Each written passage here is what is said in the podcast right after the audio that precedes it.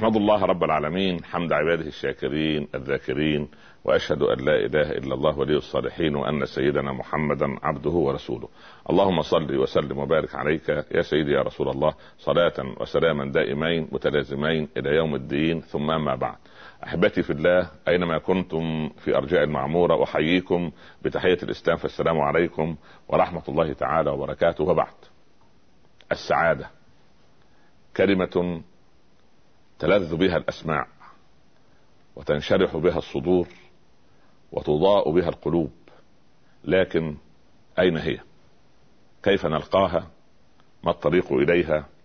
ما الذي يجعل كلنا إلا من رحم ربي بعيد عن فهم السعادة أو لا يحاول أن يطرق بابها؟ وهل للسعادة أبواب يستطيع الإنسان أن يطرقها؟ وهل رب العباد عز وجل أوجد الإنسان في هذه الدنيا لكي يصير في كمد وهم وغم دائم؟ أم أن هناك من الناس من يستطيعون بأفعالهم وأقوالهم وما يزرعون من خير في قلوبهم اولا ثم في قلوب الغير يجدون ثمرات عندما غرسوا شجرة السعادة؟ إذا سألت أو إن سألت الخائف الذي لا يجد مأمنا ما السعادة لديك؟ يقول أن آمن من هذا الخوف. وتسأل المريض الذي ابتلي واختبر بالمرض ما السعادة عندك؟ يقول الشفاء التام. وتسأل المدين الذي عليه ديون ذل بالنهار وهم بالليل ما السعادة عندك؟ يقول أن يقضى ديني. وهذا الإنسان البعيد عن مرفأ السعادة. يظن في كل وقت أن السعادة إنما هي عبارة عن مواكبة للحالة التي عنده.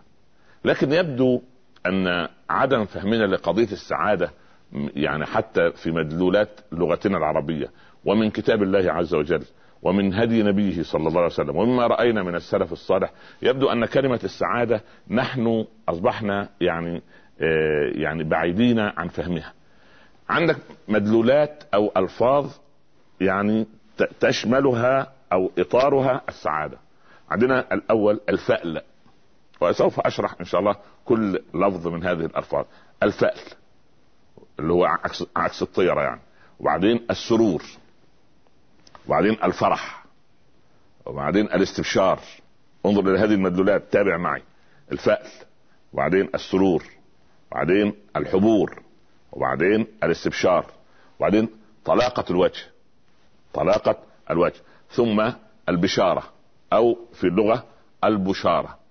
اذا عندك يعني هذه الألفاظ.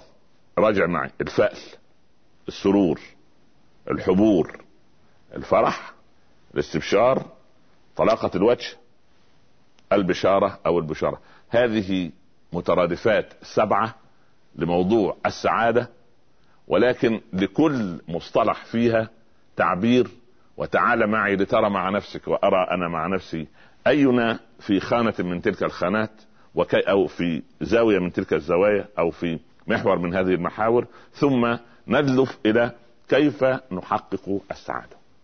اولا الإسلام مع الفأل الحسن. حتى إن النبي صلى الله عليه وسلم كان إذا دخل قرية يسأل عن اسمها. فإن وجد اسمها حسنا استبشر وتفاءل خيرا. وإن وجد اسمها غير ذلك يعني عرف ذلك في وجهه صلى الله عليه وسلم. لكن ليس معنى هذا أن الرسول كان يتشاءم بل كان ينهى عن التشاؤم. فيه ناس من خوف الخوف في خوف ومن خوف الذل في ذل ومن خوف الفقر في فقر ومن خوف الغد في قلق وأرق رغم أنه يجب أن يسعد بلحظته وأن يكون ابن الساعة. أو ابن الوقت. يقول العلماء كن ابن وقتك. كن ابن وقتك. يعني خليك في الساعة التي أنت فيها. أنت في ساعة تجد فيها أمان نفسي راحة نفسية فيها سبحان الله من يعينك على الخير. يا أخي سبحان الله اسعد بهذه اللحظة. المهم فالتفاؤل في الإسلام نحن مأمورون بالتفاؤل ومنهيون عن التشاؤم. تماما. لا طيرة ولا تشاؤم. كان العربي عندما يريد أن يسافر يهش أول طائر يجد في طريقه. فإن طار الطائر من اليمين لليسار كان يسميه السانح فيسافر أو يذهب إلى الطريق الذي يريد. وإن طار الطائر من اليسار إلى اليمين يتشاءم ويسمى بالبارح. جاء الإسلام ليلغي قضية لا سانح ولا بارح وإنما أبدلنا رسولنا صلى الله عليه وسلم وشرعنا الحنيف بصلاة الاستخارة. كان العرب يتشائم من كلمة عندما رأى الهدهد وهو مسافر يقول لا لا لا لا. الهدهد دليل على الهدم الغراب دليل على البين والبعد. فيعني سبحان الله العظيم أو شيء مثلا هرة سوداء أو بهذا المنطق فهذا كله منهي عنه في الإسلام فقضيه أن أتفاءل بما عند الله عز وجل وأستشعر. أن إذا كان الولد يستشعر دائما أن أباه وأمه يريدان له أفضل طبيب وأفضل ثياب وأفضل مدرسة وأفضل جامعة وأفضل مسكن وأفضل حياة ولله المثل الأعلى. ما بالك برب العباد عز وجل الذي ما بلغت رحمة الأب والأم يعني ذرة في في في أو قطرة في بحر جود الله وكرم الله ولطف الله وعطفه؟ لا شيء لا شيء. إنما هي صورة مصغرة من صور رحمة الله. إذا كان هذا من الأب والأم للولد فما بالنا بمن خلقنا؟ ألا يعلم من خلق؟ وهو اللطيف الخبير. هو الذي يربينا على موائد كرمه. يعني قد يربيني بال... بال... بالابتلاء والامتحان. هذه تربية. هذه تربية. سبحان الله. لكن لكن ال... ال... في قضية ال... ال... الابتلاءات والاختبارات أنا مربى على مائدة كرم الله عز وجل الذي لا يريد بي إلا خيرا. دائما. يعني شوف أعظم أعظم ما يصل الإنسان به من قلبه ليطرق باب السعادة أن يرضى بمواضع القدر. أن أرضى يعني أنا القدر وضعني هذا. إن كان في الساقة فهو في الساقة. وإن كان في المقدمة في المقدمه وإن كان في المؤخر يعني أنا أرضى بما قسم يا داود ارضى بما قسمت لك تكن أغنى الناس. من أمسى آمنا في سربه معافا في بدنه عنده قوت يومه فكأنما حيزت له الدنيا بحذافيرها اذا الفأل نحن مطالبون بالفأل الحسن.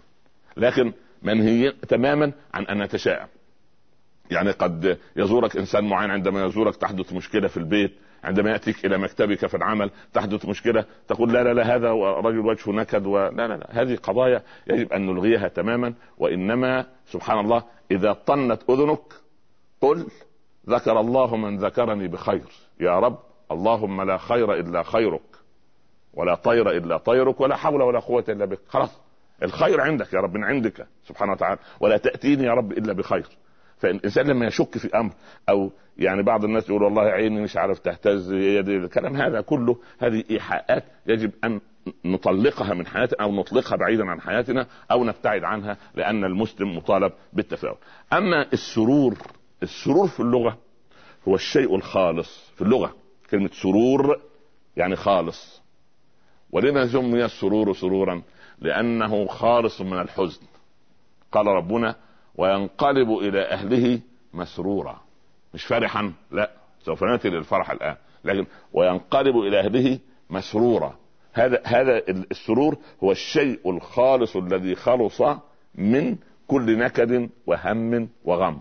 لأن النكد والهم والغم وترقب الأحداث اولا تشيب قبل المشيب وتهرم قبل الهرم ويضيق صدرك ولن تغير من قضاء الله شيئا. سبحان الله. يعني هي القضية محسومة. ولكن أنت تفائل أنت كن متفائلا. فإن تفائلت جاءك السرور. السرور هو الشيء الذي خلص من كل نكد وهم فتصير يعني إنسانا مسرورا ولا سرور أكبر من أنك في طريق الله ولا سرور أكبر من أن أعطاك الله أعظم وأفضل وأكبر نعمة دون أن تسألها وهي نعمة الإسلام. هذه نعمة لا تدنيها نعمة. لما تقيس كل أي نعم بجوار نعمة الإسلام أن أن تصبح مؤمنا وأن تمسي مؤمنا أن تستيقظ مؤمنا وأن تنام مؤمنا. والله سبحان الله العظيم. المهم ألا تظلم أحدا. بس دي قضية. لكن طالما أن أن أنت تصبح مؤمنا وتمسي مؤمنا وفق المنهج. وفق منهج. لأن لأن الإيمان ليس بالتمني ولكن الإيمان ما وقر في القلب وصدقه العمل. هذا هو الايه السرور وهذا منحى آخر من مناحي إطار السعادة. نحن الآن نتكلم في إطار أو طريق السعادة. فطريق السعادة فيه هذه الدرجات التي تبدأ بالفأل تفاؤل الحسن ثم بالسرور سبحان الله وهو الشيء الخالص الذي خلص ثم يأتي الحبور. الحبور قال ربنا عن المؤمنين في روضة يحبرون عندما يظهر البشر ويظهر ال ال ال تظهر السعادة في قلب العبد تطفح على وجهه أو أو أو تضيء وجهه. يقول والله هذا إنسان عنده حالة من الحبور سبحان الله. في روضة يحبرون أي ظهرت السعادة على أبشارهم على وجوههم. وجهه سعيد ينطق بالسعادة ينطق بالبشر ينطق بال... بال يعني تنظر في وجوه كبار السن من أجدادنا وجداتنا وعماتنا وخالاتنا الصالحات تجد في وجوههم نورا عجيبا. لماذا؟ لأن القلب بدأ يتبخر تتبخر منه الآفات. فلما تتبخر الآفات ينطلق الوجه بإيه؟ بطلاقته، ينطلق الوجه بهذا الحبور الذي يعني يطفح أو يعني يظهر أو يضيء هذا ال ال ال الوجه. أما كلمة الفرح فلان فرح هذا يخص البطر والأشر والرياء والعياذ بالله. ودي عجيبة. وأنا يعني أتعجب من الناس يقول فلان ذهب لحضور فرح فلان. لا أنا أقول عرس فلان. لكن فرح الفرح منهي عنه. مش الفرح الابتسامة لا. مش الفرح السعادة لا. الفرح في اللغة هو أن أفرح بشيء دنيوي بطرا واشرا واستعلاء. بمعنى إيه؟ بمعنى ان أن أن قوم قارون إذ قال له قومه لا تفرح. مش لا بتبتسم لا. لا علاقة لكلمة الفرح لا بالابتسامة. ولا بطلاقة الوجه ولا بالبشارة ولا بالسرور ولا بالحبور ولا ولا بالسعادة أبدا. إنما الفرح يكون بشيء دنيوي فيه يعني فيه هذا الاستعلاء. إذ قال له قومه لا تفرح إن الله لا يحب الفرحين الذين يشعرون أن النعم التي أتت إليهم إنما هي من أعمالهم وعقولهم وعلومهم وأذهانهم وقبائلهم ووضعهم الاجتماعي هذا هو الفرح ولذلك نحن منهيون أن نفرح مثل هذا الفرح. سبحان الله. والعجيب أن أن السرور والحبور يختص بالقوة الفكرية يعني بالفكر. أنت لما تكون في حالة من السرور وفي حالة من الحبور يبقى قلبك فيه إيمان ووجهك فيه إيمان. هذا هو السرور والحبور. أما قضية الفرح والاستبشار ده شيء يخص إيه؟ يخص أمور دنيوية. يخص شيء أنت زي بالضبط إيه؟ آه تنظر على مثلا حلبة الملاكمة أو المصارعة. تجد أن مصارعا قهر مصارعا. وهي لعبة سبحان الله قد الله أعلم بمدى شرعيتها في الإسلام. لكن المهم يضربه هكذا ثم إذا انتصر عليه ترى في وجه المنتصر زهوا. هذا الزهو يسمى فرح.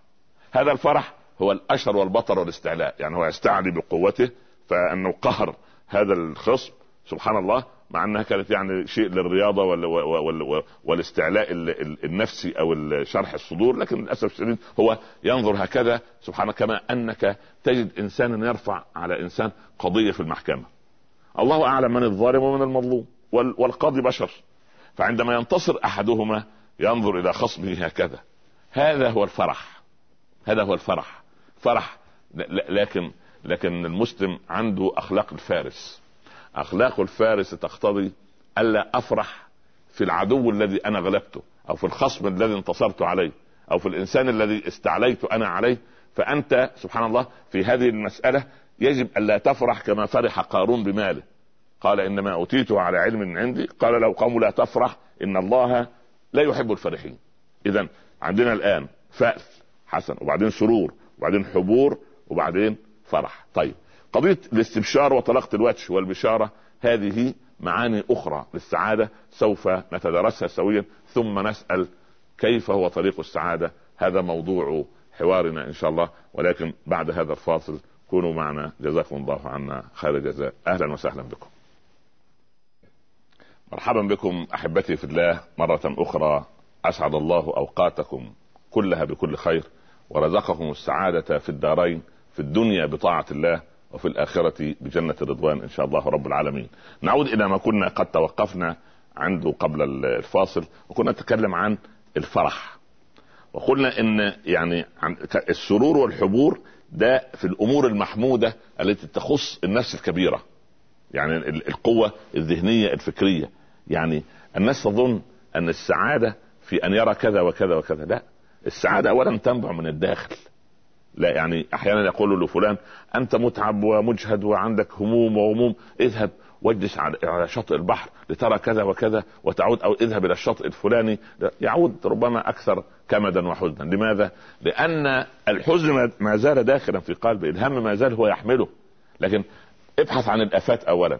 أخرجها من نفسك ثم ارضى بما قسم الله لك وقل بحول الله وقوته إن الغد أفضل من اليوم وإن اليوم بفضل الله أحسن من الأمس وهكذا. وإن كنت من أهل الدنيا إن شاء الله السنة القادمة إن كنا سوف نعيش بإذن السنة القادمة أفضل من هذا العام. لكن لا أنا أخاف من كذا وأتوقع أن يحدث كذا وأتوقع ردا فعل رد فعل من كذا. هذه مسائل لا يجب أن يفكر الإنسان فيها بل بالعكس. كيف تتخذ الله وكيلا؟ قال ربنا وتوكل على الحي الذي لا يموت. فإذا توكلت على الحي الذي لا يموت وهو القادر على شرح صدرك وإنارة قلبك وأن يرزقك سعادة وحبورا وسرورا. إن ربي على ما يشاء قدير. كلمة الاستبشار. الاستبشار أننا أرى شيئا حسنا أمامي فأستبشر به. يستبشر بالولد الصالح. يستبشر بالعمل الصالح. يستبشر بالبنت المطيعة. يستبشر بالبيت المريح. يستبشر سبحان الله بأن الناس تحبه. يستبشر أنه محببة إليه طاعة الله عز وجل. مكروهة ومبغضة إليه أن يؤذي الآخرين لا بكلمة ولا بنظرة ولا بإيذاء ولا بحقد ولا بحسد ولا غل وإنما قال ربنا ونزعنا ما في صدورهم من غل إخوانا على سرر متقابلين وقالوا الحمد لله الذي أذهب عنا الحزن. هذا الذي كان في الدنيا. الحزن في الدنيا لكن لكن في الجنة إن شاء الله رب العالمين لا حزن ولا غم ولا هم ولا نوم ولا ولا منية ولا ولا سبحان الله. هذه الأشياء خلاص انتهت القضية. ولا ظلم اليوم يوم القيامة. لكن الآن الناس يظلم بعضهم بعضا ويؤذي بعضهم بعضا ويظن الظالم أنه شاطر أنه يعني نبي أنا نكدت على فلان. أنا سبحان الله يعني أسأت إلى إلى إلى, إلى فلان. أنا يعني احتقرت فلانا. هذه قضية التعالي على خلق الله. والمسلم المتعالي مسلم للأسف الشديد. نسأل الله السلام. فالاستبشار أو البشارة هو قال أهل اللغة ظهور الشيء في حسن وجمال.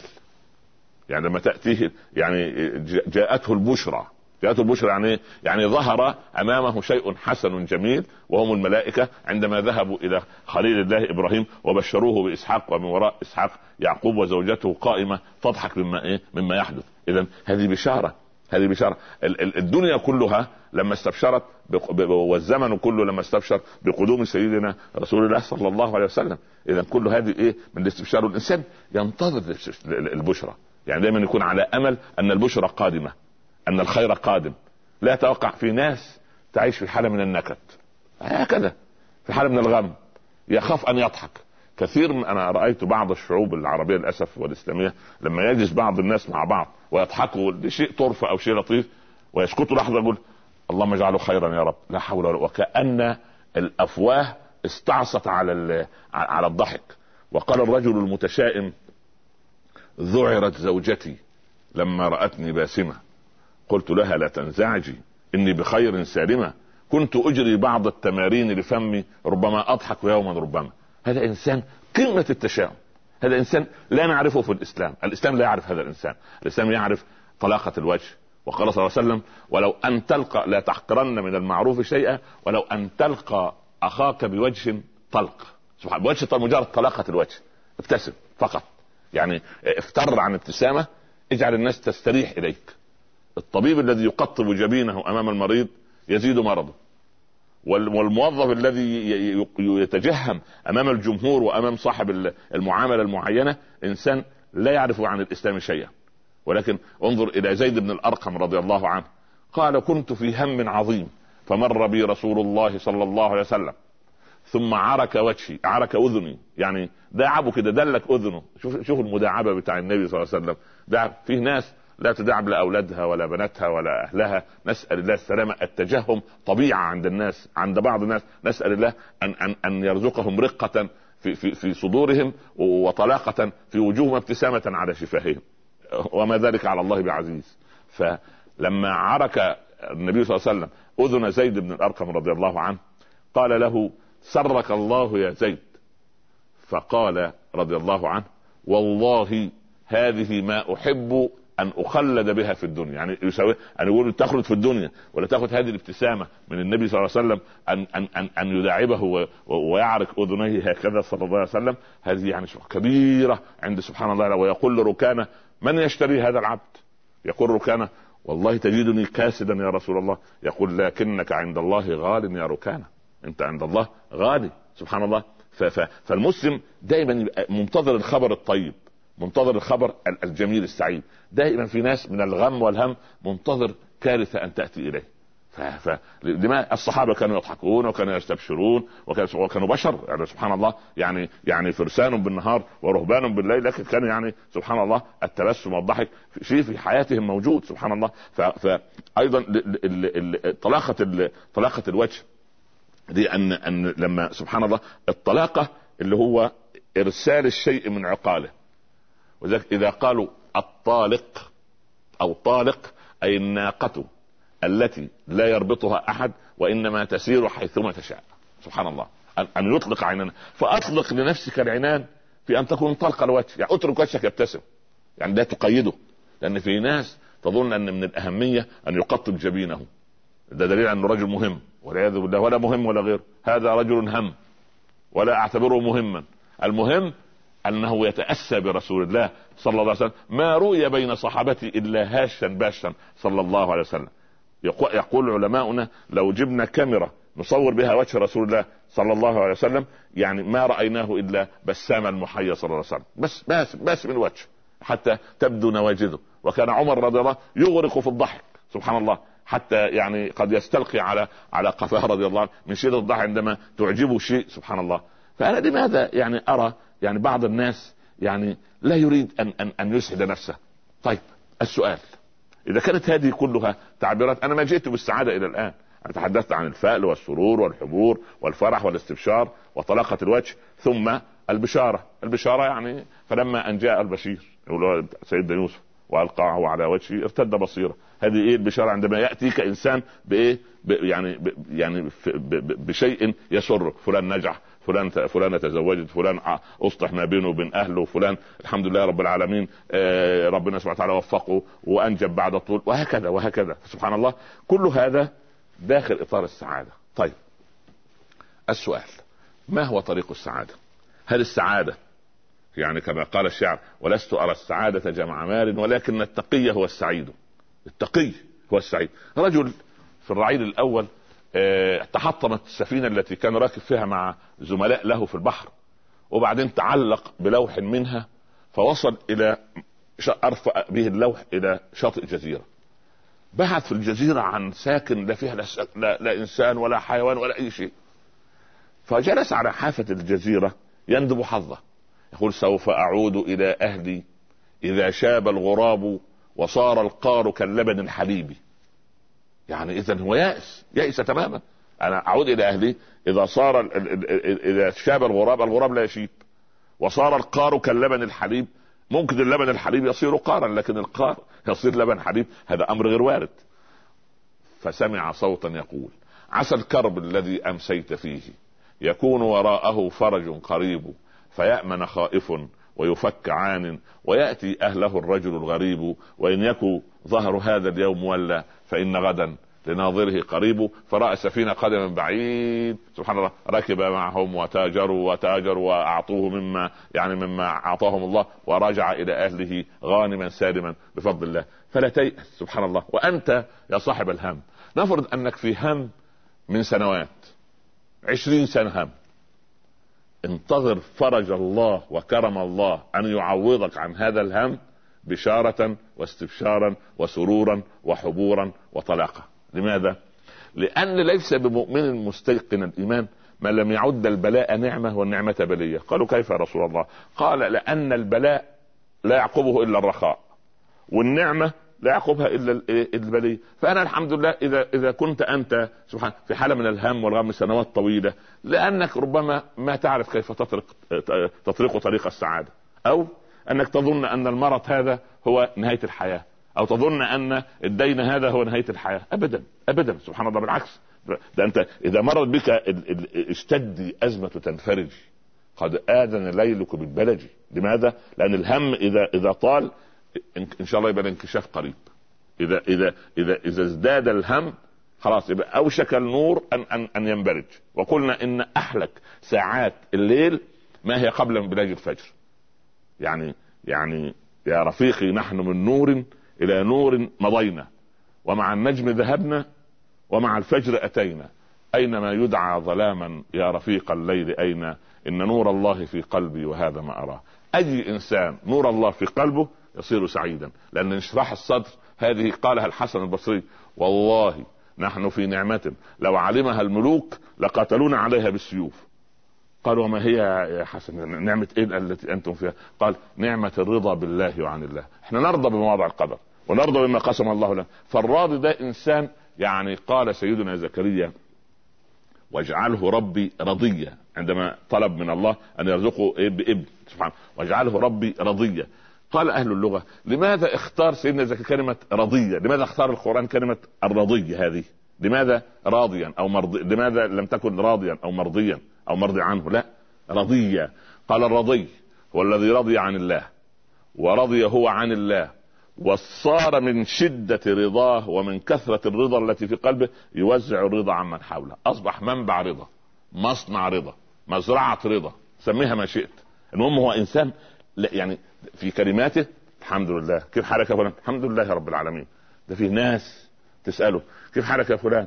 الحمد لله على كل حال. انت هتاخد خير يا رب. خير في إيه؟ كان النبي صلى الله عليه وسلم إذا أتاه ما يسره قال الحمد لله رب العالمين. وإذا أتاه ما يكرهه قال الحمد لله على كل حال. ففي كلا الأمرين الحمد فالحمدون أول باب من باب السعادة أو طرق باب السعادة أو طريق السعادة. أول خطوة فيه أن ترضى بما قسم الله لك.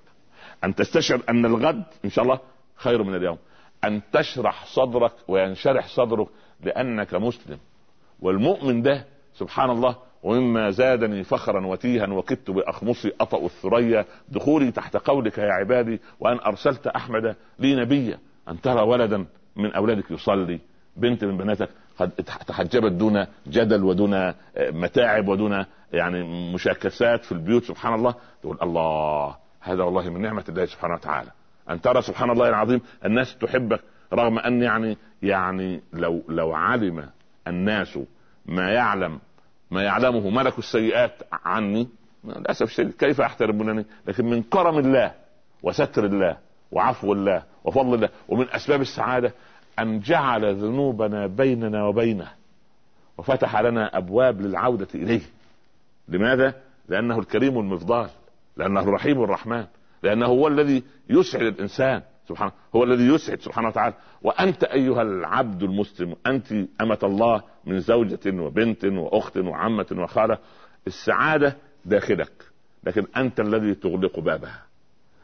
وللعلم إذا بخرنا السعادة من قلوبنا زارتنا الهموم والغموم وصرنا بالأمراض وقلت مناعتنا الطبيعية وصرنا مكتئبين في الحياة وصار الإنسان سبحان الله يتمنى الموت ولا يجده. طب لماذا هذا كله؟ فهو إنسان ميت في الحياة. ليس من مات فاستراح بميت. إنما الميت ميت الأحياء. إنما الميت من عاش كئيبا كاسفا باله قليل الرجاء. إنسان كده امل ملوش أمل في الحياة. ملوش هدف ليس له هدف لا.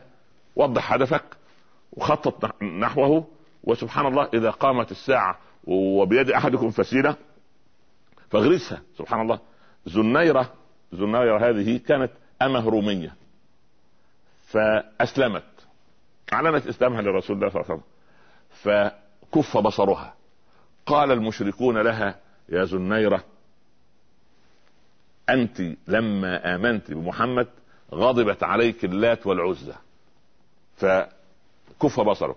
فقالت بصوت واضح وإنسانة أما تباع وتشترى سبحان الله بل كفرت باللات والعزى وآمنت بالله فعاد إليها بصرها مرة أخرى. الإنسان سبحان الله يعني يعني كن كن اسمعوا هذه جيدا واكتبوها إن كان معكم ورقة وقلم. كن لما لا ترجو أكثر رجاء منك لما ترجو. يعني اجعل الأمر المستحيل حدوثه أقرب إلى الحدوث من الأمر الميسر حدوثه. كن لما لا ترجو. الشيء الذي يخطر بالك أنه لا يحدث ابدا. كن لما لا ترجو. أكثر رجاء منك لما ترجو. فإن كريم الله موسى ذهب ليخبس نارا فعاد بالرسالة. ذاهب سيدنا موسى إيه إن إني أنست نارا لعلي آتيكم منها بقبس أو أجد على النار هدى. فلما ذهب إلى النار ماذا وجد؟ قال إني أنا ربك فاخلعنا عليك. إنك بالوادي المقدس طوى وأنا اخترتك. إذا سيدنا موسى كان آخر شيء يخطر بباله أن يصير رسولا. كان آخر شيء يخطر بباله أن يرى ان كان مجرد أن يعني يجد عند النار من يهديه في صحراء سيناء لما تاه هو وزوجته بالليل وقطيع الغنم. فلما ذهب إلى الشجرة المباركة ونودي إني أنا الله رب العالمين وأخلع عليك. سبحانه كن احفظوها هذه. كن لما لا ترجو. أكثر رجاء منك لما ترجو فإن كريم الله موسى ذهب ليقبس نارا فعاد بالرسالة. سبحان الله العظيم. لو أن أنبياء الله كان عندهم من اليأس ما عندنا ومن الإحباط ما عندنا سبحان الله العظيم كانوا توقفوا عن الدعوة. سيدنا نوح ألف سنة إلا خمسين عاما يعني بأسلوب العصر ملف خدمته تسعة قرون ونصف. ملف الخدمة تسعة قرون ونصف في الرسالة. وبعدين إيه؟ مش كل سنة درس مش كل سنتين محاضرة لا اني دعوت قومي ليلا ونهارا. يعني كل يوم يعرض الرسالة مرتين ويعرض الدين مرتين ويعرض الدعوة مرتين ويأخذ بأيدي الناس إلى الله كل يوم. سبحان الله. ليلا ونهارا. بعدين إصرارا وجهارا. في, في كل الحالات. سبحان الله. ورغم ذلك كلما رأوه وضعوا أصابعهم في آذان واستغشوا ثيابهم وأصروا واستكبروا استكبارا. سبحان الله. فكل هذا لم يفت أبدا في في في في قلب سيدنا ابدا سبحان الله. وسيدنا عمر يمنع سيدنا الحبيب صلى الله عليه وسلم لا لا تستغفر لهم يا رسول قال والله لو أعلم أن الله سوف يغفر لهم أكثر من السبعين مرة لاستغفرت. اذا اذا مسألة طريق السعادة السعادة داخلك. لا تظن أن كثرة المال تسعد الإنسان ابدا. قد يكون المال فتنة. لا تظن أنك تصل إلى كرسي معين هذه سعادة. أنت خطط لحياتك. ونظم لحياتك. لكن حاذر حاذر من أن تتشائم أو أن تحبط أو أن تستشعر أن الغد سوف يأتيك بأخبار سيئة. لا لماذا كل هذا؟ يعني أنت عبد لله والمسافة بين السماء والأرض دعوة مستجابة. فادعوا الله وألح في الدعاء سبحان الله. وإن رأيت شيء ضد هواك فقل الله يختبرني الله يمتحنني.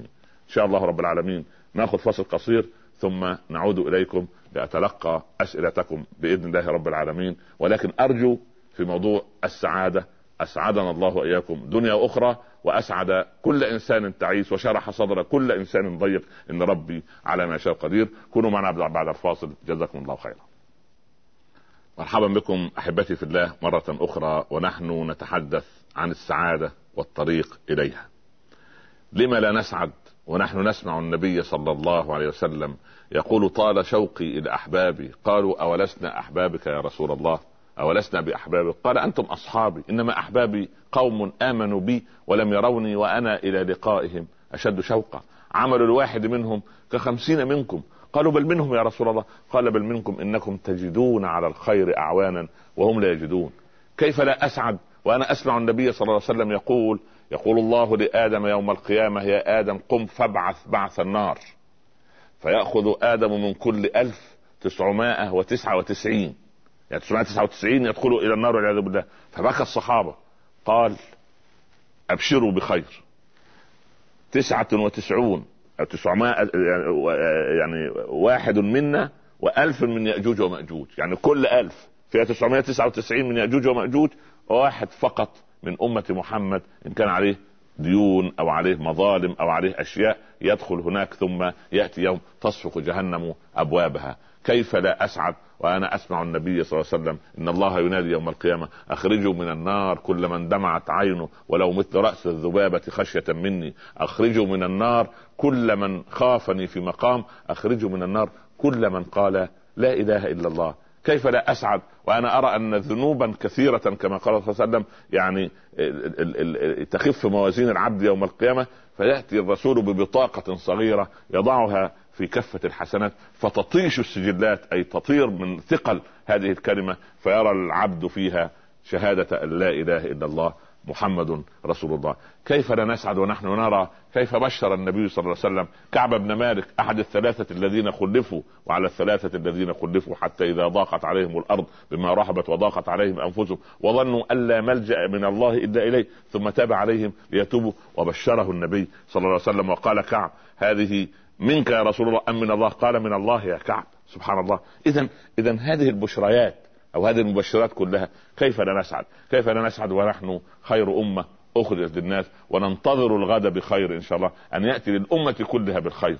هذا جيل الصحوة وشباب الصحوة وبناتنا الصالحات ونساؤنا الصالحات وسبحان الله القائمون بحدود الله والناس المسؤولين في كل مكان وهم يتقون رب العباد. كيف لا نسعد؟ ونحن معنا الدين الذي رضيه الله للعالمين دينا. اليوم أكملت لكم دينكم وأتممت عليكم نعمتي ورضيت لكم الإسلام دين. هذه كلها وسائل وطريق السعادة.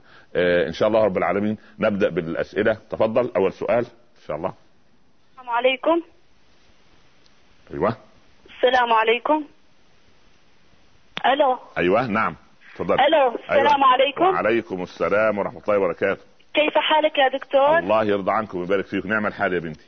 أه بدي أسأل سؤال. أنا من سوريا. أه كل ست سنوات بي بيصيبني حالة تشاؤم وشوي خوف من الموت.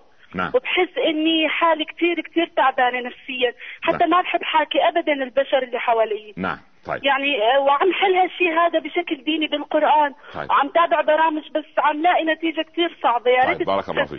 وصل السؤال. جزاكم الله خيرا. شوفي يا بنتي؟ اولا الإنسان عندما يخاف من الموت هذه أحد حالتين. يا خوف إيجابي يا خوف سلبي. خوف إيجابي أن أحسن العمل ده خوف مطلوب. هذا خوف مطلوب. الخوف اللي يجعلني أتكاسل عن الأعمال الصالحة هذا سبحان الله العظيم يعني خوف سلبي لا نريده. ولكن ولكن أنت سبحان الله العظيم لماذا تتشائمين التشاؤم دائما يورث الهم. طيب ومن أكثر من الاستغفار جعل الله له من كل هم فرجا ومن كل ضيق مخرجا ورزقه من حيث لا يحتسب. العبد يقول يا ربي العباد لك كثير. ولكن يا ربي ليس لي رب غيرك. فارحمني وأرشدني وأشرح صدري وارزقني السعادة في الدارين يا أكرم الأكرمين. لا تتشائمي ويعني تفاءلي خيرا والإنسان سبحان الله أنا عند حسن ظن عبدي بي إن خيرا فخير وإن شرا فشر والعياذ بالله رب العالمين. أيوه. اتصال آخر. نعم. ألو. أيوه. نعم. السلام عليكم. وعليكم السلام ورحمة الله وبركاته. سيدنا الشيخ أنا سيدة متزوجة أيوة. من حوالي سبع سنوات وعندي طفلين صغار أربع سنين وثلاث سنوات الله يبارك فيهم يا رب نعم الله يجزيك الخير بس مريت بخلال السبع سنوات دائما مشاكل مع زوجي وكنت دائما كل فترة نوصل لمرحلة الانفصال وأرجع أقول يعني إنه إنه الحمد لله عندي أسرة وعندي أطفال نعم. وبتحمل يعني علشانهم نعم. و... نعم. وإنه الدنيا مش مستاهلة وفي ناس عندها مشاكل أكثر والواحد بيشوف مصائب الناس بتهون عليه يعني بارك الله فيك وضعه زي ما بيقول طيب. بس من فترة للتانية نفس الشيء بتصيبني حالة يعني إنه غم وما بقدر حتى أتعامل مع أطفالي وبحس نعم. إنه هم السبب في إني متحملة علشانهم طيب. وما ما بقدر أتعامل معه حتى وبنوصل لمرحلة سيئة جدا طيب وعلى هذا المنوال لحد ما وصلنا لمرحلة إنه خلص يعني انكسرت أشياء كثير مش عارفين نوصل معها للسعادة مرة ثانية بالبيت طيب بارك الله فيك الله يجزيك الخير. أنا, هقول لك الإجابة إن شاء الله. أن نسأل الله سبحانه وتعالى أن يرأب الصدع بينك وبين زوجك. لابد أن هناك خلل ما. إما أن أحد الزوجين يعزف على وتر غير الوتر الذي يعزف عليه الآخر إذا جاز التعبير يعني. أو يتكلم لغة غير لغة الآخر. كما قال سيدنا سليمان عن الهدهد لا أعذبنه. قالوا كيف عذابه يعني تعذيبه للهدهد أن يضعه مع جنس من غير بني جنسه يعني احتمال الرجل عقلاني مئة بالمئة. والمرأة عاطفية مئة بالمئة أو العكس المرأة عقلانية مئة بالمئة أو جامدة أو أو أحد الطرفين بعيد عن الله. يعني هذا هو يعني إيه؟ فيصل الموضوع. واحد بعيد عن الله. أعرف ذنوبي في سوء خلق زوجتي وسوء خلق دبتي. فهي إن رأت أن زوجها متمرد عليها ما عليها إلا أن يعني تحسن الصله بينها وبين الله وسبحان الله العكس أيضا بالنسبة للزوج. فأنا يعني يعني أدعو الزوجين إلى إحسان صلتهما بالله سبحانه وتعالى. السؤال الذي يليه إن شاء الله؟ نعم. أيوه. ألو؟ أيوه. نعم. السلام عليكم. ازيك يا فضيلة الشيخ؟ عامل الله إيه؟ يبارك فيك نعم أنا سعيدة. جدا. أهلا أنا وسهلا حاسة إن أنا في دنيا تانية وربنا الله اللي يبارك فيك يعلم يا بنت مرحبا. أنا اتغيرت كتير كتير من بعد ما بقيت أتفرج على برامج حضرتك الله من ساعة ما جيت. دبي. وحبيت دبي والعيشة فيها بسبب إن أنا بشاهد يعني حضرتك على طول. خير ويعني وأهلها وحكامها أنا أتمنى بس إن أقول. لك يا والدي ترضى الله أم لا. ترضى؟ أهلا وسهلا يا بنتي أنا عايزة الله. أسألك سؤال يا يا فضيلة الشيخ. يا يا أبويا. عايزه أسألك سؤال. إزاي العمل؟ أعمل حاجة تسعد النبي. أنا بحس إن دايما أي حاجة بعملها قليلة. الله. من حفظ قرآن من صلاه من أي حاجة. حاسة إن هي قليلة وضئيلة طيب. جدا. خلاص. كيف نصنع اعمالا تسعد نبينا صلى الله عليه وسلم؟ هذا سؤال جميل. بارك كل الله بارك الله فيك. وجزاك الله خيرا. بارك الله. كلما طبقنا كتاب الله وحقيقة الدين كما صنع الصحابة وأسلافنا الصالحون هذا يدخل السرور على قلب رسول الله صلى الله عليه وسلم. أن نكثر من الصلاة عليه ونتأسى بسنته وأن نبتعد عن البدع هذا يسعد النبي صلى الله عليه وسلم. ألا نؤذي الآخرين هذا يسعد النبي صلى الله عليه وسلم أن نتفاءل وأن نلقى الناس بطلاقة وجه ولا ندخل النكد على الناس ولا ندخل الحزن على الناس. فيه وادي في جهنم اسمه وادي هب هب. يوضع فيه من يدخل النكد على المسلمين ويبدو أن هذا وادي سوف يكون مليء والعياذ بالله نسأل الله أن يحفظنا وإياكم منه إن شاء الله. فأنا كل عمل صالح يقربه من الله هذا عمل يسعد رسولنا صلى الله عليه وسلم. اللهم ارزقنا هذا العمل يا رب العالمين. أيوه اتصال آخر إن شاء الله. طيب خلاص الأسئلة إن شاء الله. بارك الله فيكم. طيب آه يعني آه أريد أن أقول في النهاية قبل أن ندعو رب العباد عز وجل يعني ال- ال- السعادة آه السعادة يعني إذا أردنا أن نجمل ما قلنا. الله سبحانه وتعالى خلقنا في الحياة لا لنتعس بها ولا داعي لأن نفهم أسرارها أيضا. يعني لا داعي لأن نبحث عن سر الحياة. لا نحن نزلنا إلى الحياة ل- لنبحث عن كيف نسعد أنفسنا في هذه الحياة. طيب وهذا هو الموضوع المهم في في الحلقة. كيف يعني يعني نحصل السعادة؟ كيف ندخل إلى بستان السعادة؟ كيف نحيط أنفسنا ب ب بأن نكون في حديقة السعادة أو في بستان السعادة؟ كيف؟ اولا أن أنظر إلى الآخر. أي آخر من أصحاب الحقوق؟ زوج زوجة أولاد جيران صاحب بيت صاحب عمل موظف عندي خدم سائق أي, أي إنسان جمهور أتعامل معه أي ناس. المهم أول شيء ألا أكون ظالما للطرف الآخر لأن في ناس بيستمرئوا الظلم. يعني إيه الظلم؟ هو يعني لازم ضرب وإيذاء؟ لا الظلم أن في ناس قاسية القلوب قاسية القلوب. لا, لا أو تجيد العداوة. في ناس تسعد عندما تراك حزينا. تسر عندما تراك مكتئبا. وهذا هذه صورة إبليسية شيطانية والعياذ بالله رب العالمين. ودي وده ناس نسأل الله الشفاء لهم. سبحان الله. يعني لما صفوت ولم أحقد على أحد. أرحت نفسي من شر العداوات. إني ألاقي عدوي. يعني حين ألقاه بابتسامة كأني يعني كأنه ملا قلبي بالمودات. سبحان الله. يعني أول ما ألاقيه كان يا سلام ليس هذا نفاقا لا بالعكس بالعكس. لماذا الشاعر قال وتجلدي للشامتين أريهم أني لريب الدهر لا أتضعضع لماذا أبدو أمام الناس ضعيفا؟ فيه ناس والعياذ بالله من ضمن الذين يغلقون باب السعادة كثيري الشكوى. أول ما يجلس مع صديقه والله الزوجة والأولاد والجيران والغلاء وال... سبحان الله. والمرأة تجلس مع صديقتها والله أصل الأولاد وأهلي وأهل زوجي. سبحان وكأن إحنا خلقنا لنبث المشاكل. أبدا أبدا سبحان الله.